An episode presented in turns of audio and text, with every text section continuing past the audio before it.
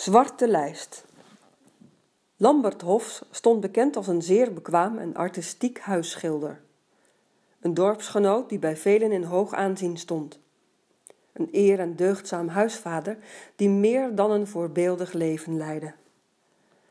Lambert was een rots in de woelige Loolse dorpsbranding van weleer.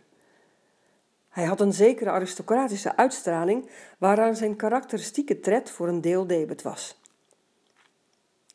Lambert zou echter het slachtoffer worden van een complot.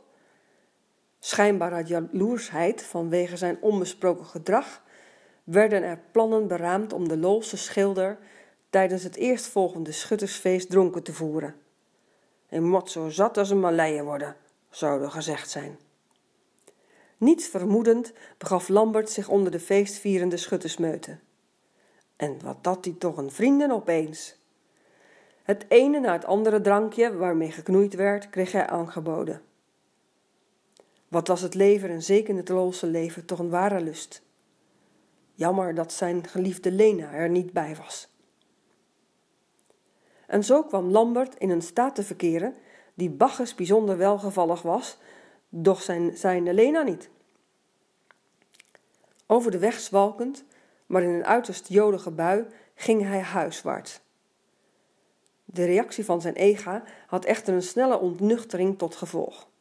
Je komt nog op de zwarte lies, voegde ze aan haar helse tirade toe. De complottheorie verzag er ook in dat een Loolse inwoner, die op het gemeentehuis werkte, wat gemeentelijk briefpapier zou ontvreemden. En zo plofte op een zekere dag een brief van B&W op de deurmat van Huizen Hofs.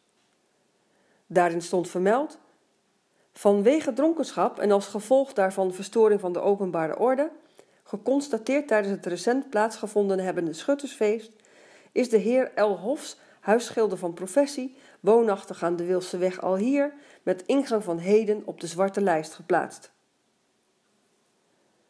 Stond je op de zwarte lijst? Dan mochten de kroegbaas in de gemeente je geen alcoholische drank meer verstrekken. Je behoorde dan tot de plaatselijke outcast. Lena Hofs kon het niet geloven. Ze ging het controleren bij Teet van der Rooyen, de buurman. Die speelde het spel mee, raadpleegde de zogenaamde zwarte lijst en bevestigde de gemalin van onze arme schilder dat haar man Lambert inderdaad op die beruchte lijst voorkwam, hoewel hij zich dat niet kon voorstellen van die altijd zo oppassende Lambert. Wat er zich als gevolg daarvan allemaal in Huizen Hofs heeft afgespeeld, is niet bekend. Lambert in ieder geval droeg zijn lot manmoedig. Zijn liefhebbende echtgenote Lena ging echter zichtbaar zwaar gebukt onder de dorpsschande. Ze had gedacht Lambert volledig onder controle de plak te hebben, en toch was zij op de zwarte lijst terechtgekomen. Hoe bestond dat? Wat deed ze verkeerd? Was ze soms te pinnig? De sigaren die zij Lambert toestond te roken, werden voor alle dagen van de week keurig afgeteld. En kreeg Lambert een sigaar van een tevreden klant, en dat gebeurde nogal eens, dan werd dat van zijn rantsoen afgehouden. Lena, hoe bestond het, twijfelde.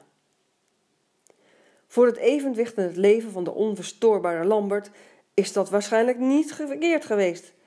Want het leek erop dat na dit voorval Lamberts leven meer dan ooit in balans was.